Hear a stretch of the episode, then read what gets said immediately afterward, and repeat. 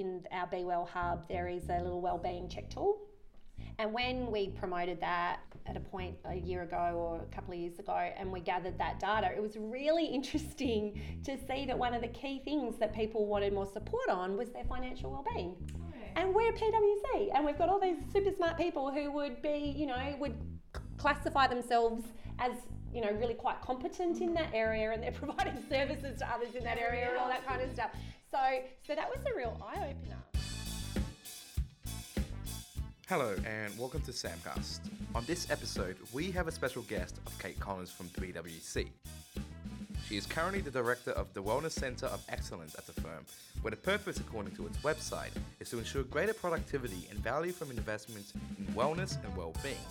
So we talked to her and got her invaluable insights about the work she does.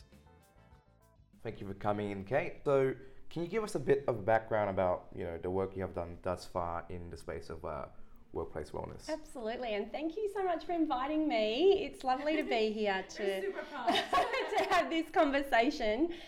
So, my background so, I'm a psychologist by background. I have a master's degree in counselling psychology, obtained that degree from Curtin University in Perth, Western Australia. So, that I guess is where my career kind of started in the area of interest in health.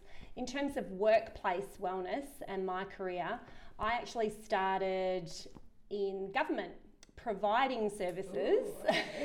Uh, back in the day where government provided human and, and social services but um, and essentially my role at that point was to support people who had severe mental illness to obtain and maintain employment so that was where I started in this whole area of workplaces and health.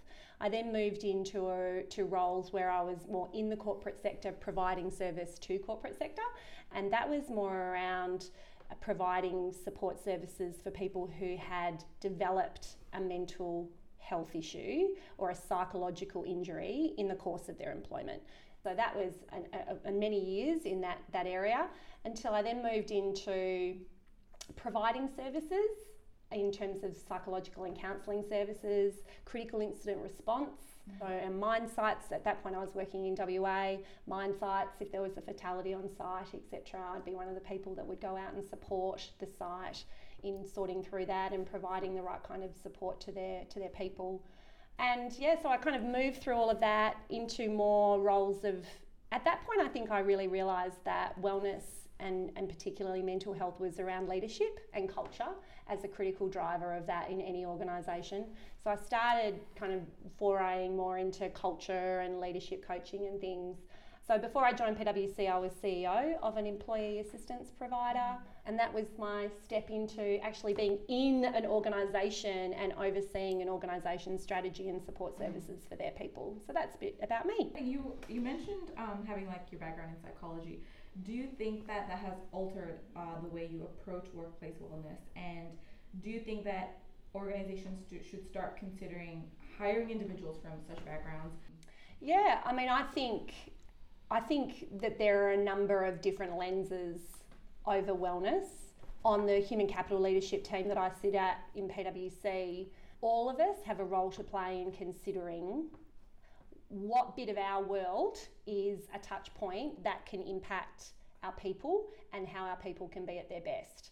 So, as a psychologist, I absolutely have a frame of reference that you know is based in some remnants of psychological theory, I hope, um, and certainly in my experience in supporting people in understanding what are the key uh, trigger points for them, what are the key moments that help to shift their sense of psychological safety or wellness so that they can get back to being at their best. So that is absolutely the lens that, that I bring. Um, but I think the, the key kind of lenses are to do with culture, you know, leadership, certainly employee relations is an important part of this overall picture, a benefits kind of program, like every, a people experience, all of the things the that can, yeah. It's very interesting because I think as PwC being such a global organization, mm. you have people coming in and out from multiple like divisions of PwC across the world, and I think that adaptation, a cultural change and shift to a certain workplace, I think is important. It's important to bring that kind of mental health conversation to that. I think it's very important. Yeah, I, I totally agree. And one of the key to your point, PwC has extensive global mobility within our people. That's something that attracts Yes, you know, sure. top top talent to PwC. So it is really interesting when you speak with people who have come to Australia, for example, from a different territory, and they see the way we're approaching conversations on mental health, for example. And you know, it brings me incredible meaning and and a sense of real joy when people say we would not be having this conversation back in our territory. We're not at a point culturally where where that would be possible, and so Acceptable yeah, exactly right. And you know, a workplace is a small microcosm of a community and uh, of a society, and you know, you can't separate or you can't escape or ignore those realities. So, you know, where PwC is at in our capacity to have this conversation, I would put my hand up to Beyond Blue and, and Black Dog Institute and these kinds of organisations that have really been driving this conversation within the Australian community for many decades now. like you said, mental health is such a global just conversation, and you see more forward-thinking societies, um, such as like Australia, for example, really honing and bringing that piece home and talking about it. But you see other territories are still kind of starting to have that conversation. How do you bring in that conversation of mental health to kind of uh, countries or uh, territories that don't really talk about workplace wellness and it's a bit of a stigma? How do Mm. you initiate that? that was part of the reason that PwC decided to go with that framework with a concept of it being about energy management.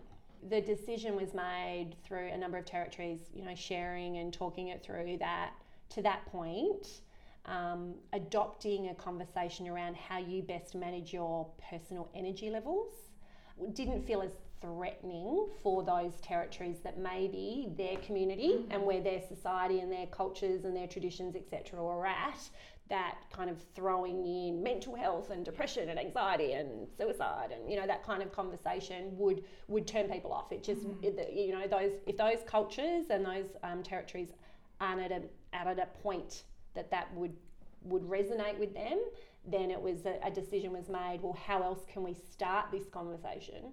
And then the territories that are at a different place such as australia the, you know and the uk would probably be the two territories that have been having a, a, a much more open dialogue around mental health. The us is beginning to, to, to dip into it as well now. But the, the uk has certain in within the pwc context our UK firm has really led the way in uh, in the conversations around mental health. They've been incredibly innovative and have done some really wonderful things. Yeah.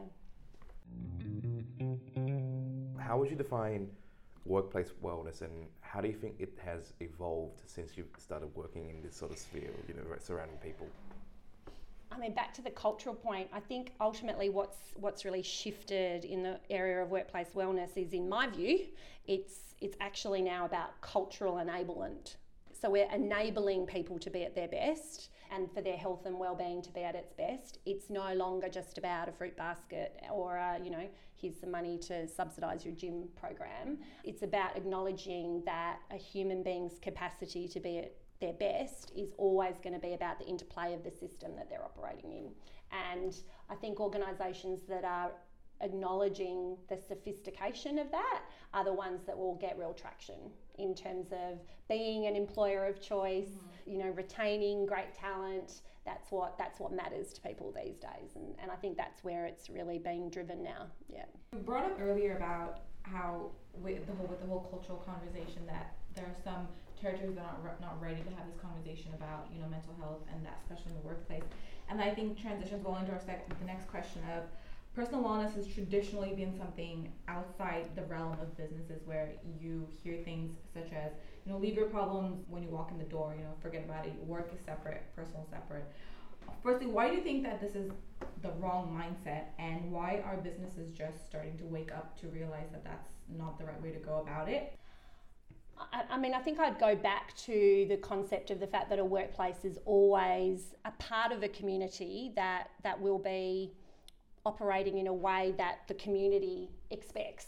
And you know, we're all seeing throughout the world at the moment the the, the shift in community expectations, um, the shift in a sense of don't just do the right, don't just do something right, but do the right thing. Uh, that's a, a, phrase that's really kind of trying to really getting embedded in our PwC culture. It's not just about doing something right, it's about doing the right mm-hmm. thing. And I think that if you consider that global society kind of shift in terms of community expectations, workplace wellness kind of fits into that. Um, it's the right thing to do. Adding on to that, I think there's a, there's a global conversation about the importance of mental health. Exactly. And that's the almost not just jump into the bandwagon, but you said do the right thing. Yeah. Not because oh everybody's talking about it, we should do it, but it's actually you we have to do it in order to kind of make sure that our employee employees are happy and secure, feeling safe in our workplaces because they're the key drivers of success. Yeah, I totally agree, and I, I think ultimately when there is you know absolute alignment between doing the right thing, but it's also right for the business from a commercial mm-hmm. perspective and from a business perspective, there's kind of no downside for anybody in terms of really committing to this and really looking to how you can leverage it. So not only is it the right thing to do, but it's also good business. Yeah.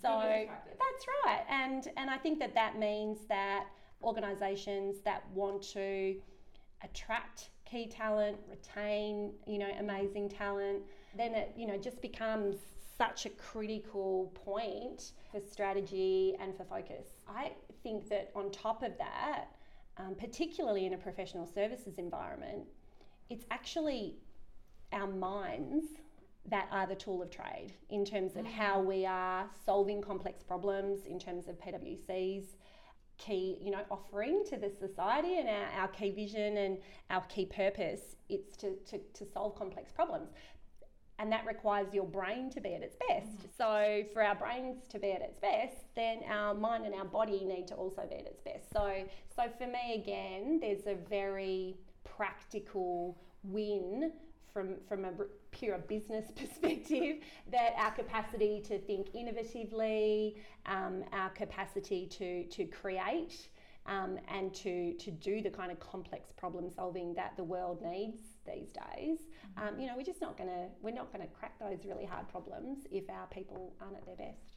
And you know, just you mentioned how it's not about the fruit basket or having a discounted gym membership anymore. Um, what do you think are the components that need to be in place in, to in effectively and successfully incorporate, you know, workplace wellness strategies in the management employees? So, I mean, my view on that is that it that it's actually around how wellness fits into the broader human capital or people strategy. So that to me is the key component to it that it's not just seen as this thing that sits off to the side, that it is actually properly and with a level of sophistication integrated and considered in terms of the overall cultural design of an organisation. As and, and once you think of it at that really top cultural design level, then it's also about how it then waterfalls and rolls out in terms of leadership expectation and role modeling. So if you then funnel that down, you will then get to the initiatives kind of level. But you've really got to start up at that big picture, vision, values, how it fits into the broader cultural design and the and the people promise that you're making as well. And, and then it kind of filters down into the more tactical elements of things such as um, you know, we have grassroots things that have popped up like, you know, massage on site, Zumba classes, reflexology. um, wow. uh, you know, they're, they're, the, they're the things that I mean, I think ultimately one of the things that's really interesting for us is people, our people are very, very busy. So it's around the key resource that people miss is time. And you can't manufacture more time. So the more that we can make things more accessible um, and easier for people to engage in, that's kind of like the trick, but it's actually really hard. so to get that kind of balance is one of the things that we're constantly um, kind of conscious of and observing. But certainly, you know, events are really, really cool. We had our first firm wide activity challenge last year. So we've got a, a website, a, a, hub, we call it our Be Well Hub, and it's got gamification kind of capability in it. Um, so certain wearable devices will actually sync to it. Uh, but if someone doesn't have a device, then they can manually enter their steps. Uh, so that was really kind of cool. I was really blown away with how much engagement we got because you know we were you know you've got to set a goal. Um, so we kind of set a goal of you know maybe if we get thirty or thirty five teams and there are 111 teams No enrolled. Wow. Yeah, so so that I think just speaks to the appetite Mm-hmm. because it's just so you know health and well-being is now so firmly embedded in you know so much of how people want to live their lives there's a real interest in that area separate to the workplace so the more that you can provide an opportunity for people to connect with something that's important to them outside of work in work then i think you're, you're onto something special And on that topic, you know, although you have companies like PwC having a more integrated kind of concept of workplace wellness as opposed to just an afterthought, you still have companies that are still concerned only with physical maybe perhaps a certain mental health um, aspects. But I think, like you said, wellness encompasses a whole range of other aspects such as emotional, social, financial well-being. Do you think that organizations are moving to accommodate all of this, or do you think there's still quite a few gaps? in our Be Well Hub, there is a little well-being check tool. And when we promoted that um, at a point a year ago or a couple of years ago, and we gathered that data, it was really interesting to see that one of the key things that people wanted more support on was their financial well-being. Okay. And we're PwC, and we've got all these super smart people who would be, you know, would classify themselves as, you know, really quite competent in that area, and they're providing services to others in that area and all that kind of stuff. So, so that was a real eye opener in that context of sometimes you can assume that your people have got stuff covered, but unless you ask them, what what are you interested in, and what can we create to better support something in this really holistic definition of wellness, the financial wellness thing does actually come up a lot, and that makes sense from a psychological perspective or from a mental health perspective because if we don't feel like if you go back to Maslow's hierarchy and the base of that is around feeling safe and secure you know, in today's world, our financial security is almost like at that point. So if people don't have clarity or they're not really sure if they um, if their plans are in place or are in place well enough for what they have a vision for, that can create a little of anxiety and a bit of uncertainty and things. So, that so connection. yeah, yeah, yeah, that's right. So I think it all fits together and that makes sense. I guess ultimately, if all of those, you know, the social, emotional, financial, you know the different you know we've got a framework at PwC around that that we use um, and that was implemented at a global level so in, to- in terms of the change or the journey that an organisation like PwC has gone through over the last few years you know the first time a global approach to health and well-being was introduced in PwC last year. And that's four pillars to wellness um, starting with physical then mental and that's more about focus and multitasking and being and how you use your mental energy is the definition of that one. And then emotional and then meaningful so that whole purpose and values and being aligned to that as again a critical enabler of people feeling at their best And how have these approaches, you know, affected the overall performance, productivity, and morale of um, employees at PwC? Well, we are constantly measuring our engagement, um, and we're always working at that. When there's a new, this next survey coming, our next global survey, we're adding in some additional elements in terms of the measurement of our, you know, health and wellness kind of approach. So we're still on a bit of a journey in terms of being able to quantify, and I think that that is a real challenge in the health and wellbeing space. Is that to my point earlier around ultimately for it to be a successful and and genuine cultural enablement, there will be a number of other things going on in an organisation to drive our people being at their best. So how you can then distill to say it's the health and wellbeing program that has led to X, Y, and Z. It's you know that's pretty rare that you can do that. But what we do do is measure and ask for feedback on the approaches that we, the, the purest health and wellbeing um, initiatives that we've done. And what I can say, I mean, uh, the best one that I can um, share around that is uh, last year we launched a program or an initiative called Green Light to Talk. So it's really targeted piece of work around us increasing the conversation around mental health within the firm, reducing the stigma attached to if you have a period of mental ill health. And when we asked our people to give us feedback on, you know, how important they thought that the fact that we were having this conversation was, 96% of people said it was extremely important, and 4% said it was very important.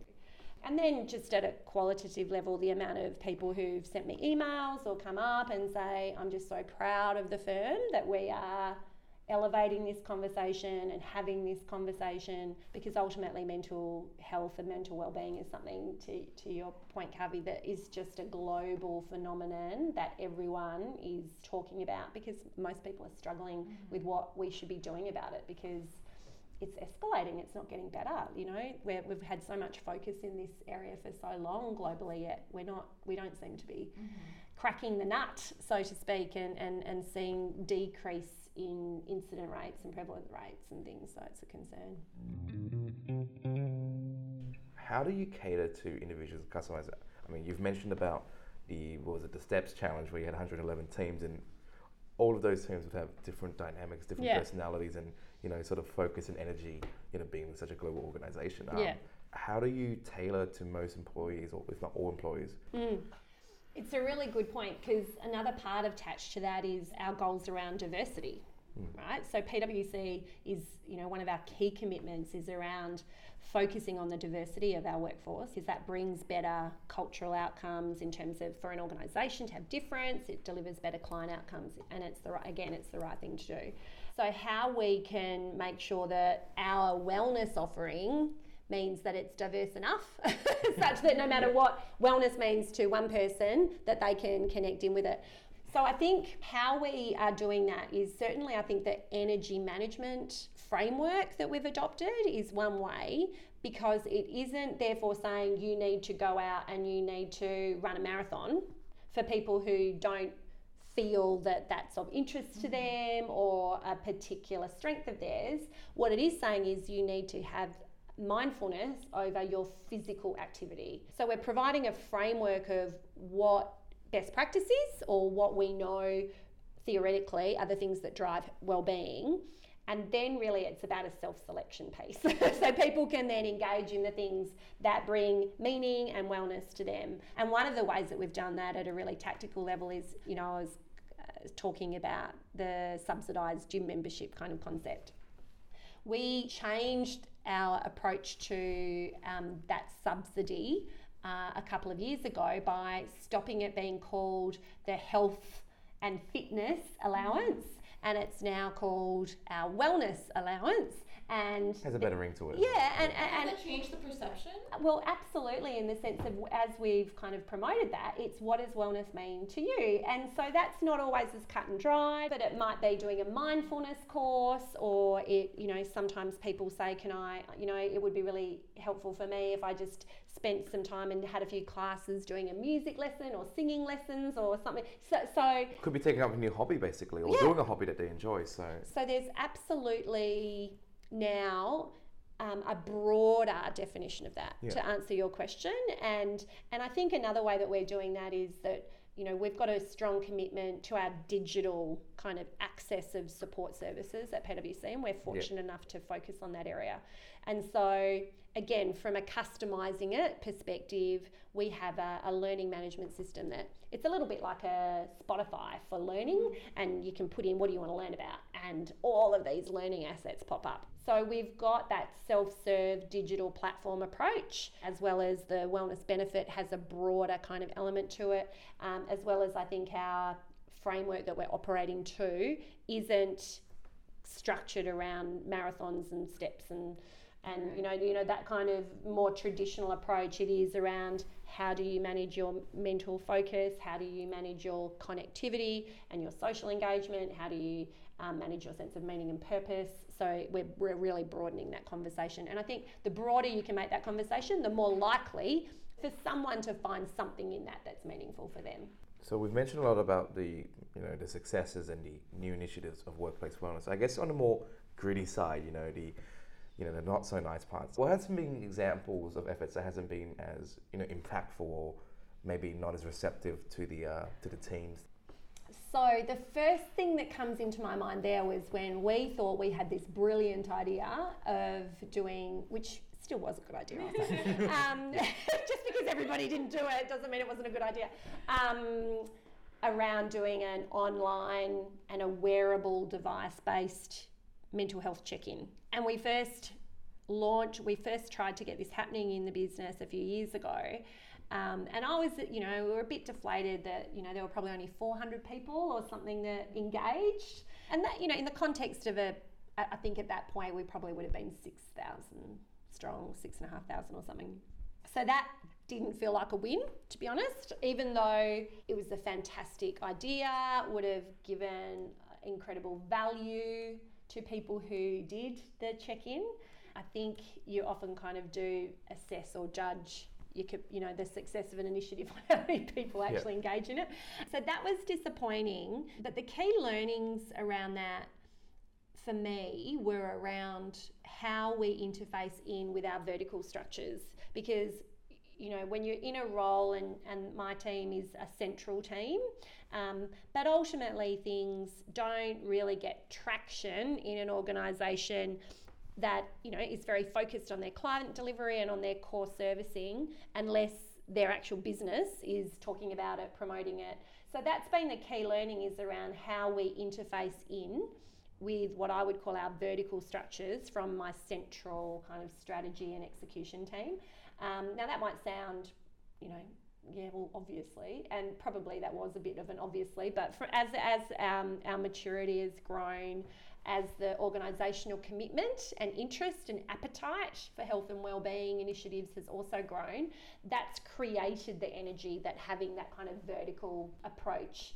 So that meant that the, now the last time that we tried to do something like that, we had 25% of the workforce engage yeah. in it. So that took something from, you know, a little bit of a drip feed mm-hmm. into something that actually everybody was aware of and made a choice as to if did they or didn't they want yeah. to. Yeah what do you think the future of um, you know workplace wellness look like, and perhaps in the next five years, well, for when we as students get into the workforce, you know, what can we expect? What can we expect? Yeah. Well, I think if I was to look in my crystal ball, um, rub it a little, rub it a little bit, mix it in with a little bit of what I see emerging already, I would predict that there will be, hopefully, and I think there's, there's a little bit of wish attached to this, more focus on the use of the technology that is around now as lead indicators rather than us measuring lag indicators in health and well-being. So there is technology that can get a sense of well how well rested is someone, what are their sleep patterns like, what is their mental health, how is their mental health tracking? And all of those things at a at a more preventative level. Mm-hmm. Yeah. And we've got the technology now to do that. Wearable devices can do those, and the algorithms are being developed such that it's more at that preventative it end. It has a predictive measure Correct. to it as well. Exactly yeah. right. So I think that that is probably one of the things that will happen within the future of workplace wellness. Yeah. And and I think that that will be really um, powerful in terms of the impact that that can have on people to actually look after themselves from and a self care perspective. Yeah. So I think that's one element. Mm-hmm. But I think another element that I'd love to see and I think will probably emerge is wouldn't it be great if people were rewarded for looking after themselves? So again, from a more preemptive angle, if you look after yourself and you keep yourself at your best and we can track that you're doing that through gamification and, and things like that then how can we say thank you to you? Because that probably means that you are and that doesn't probably mean it means that you are at your best and you are pro- you are delivering better outcomes and you are interacting with your peers and colleagues in a, in a really high performance way so that's what I would love to and see and it goes back to Maslow at the end of the day yeah. you know self actualization and the needs as well as feeling good and being performing as well I think that if we do try and apply a lead indicator lens to health and well-being we've not just we, you know the technology hasn't been there to enable mm. that in the past yeah. whereas it is now so what does that then unlock and that's pretty much the end of our podcast thank you so much kate for coming in um, very interesting insights about what workplaces, especially big organizations such as PwC, is doing. So I guess there's a lot of space to be excited here. Um, once again, thank you so much for coming in. Oh, thank you for having me. Really appreciate thank it. Thank you. Yeah.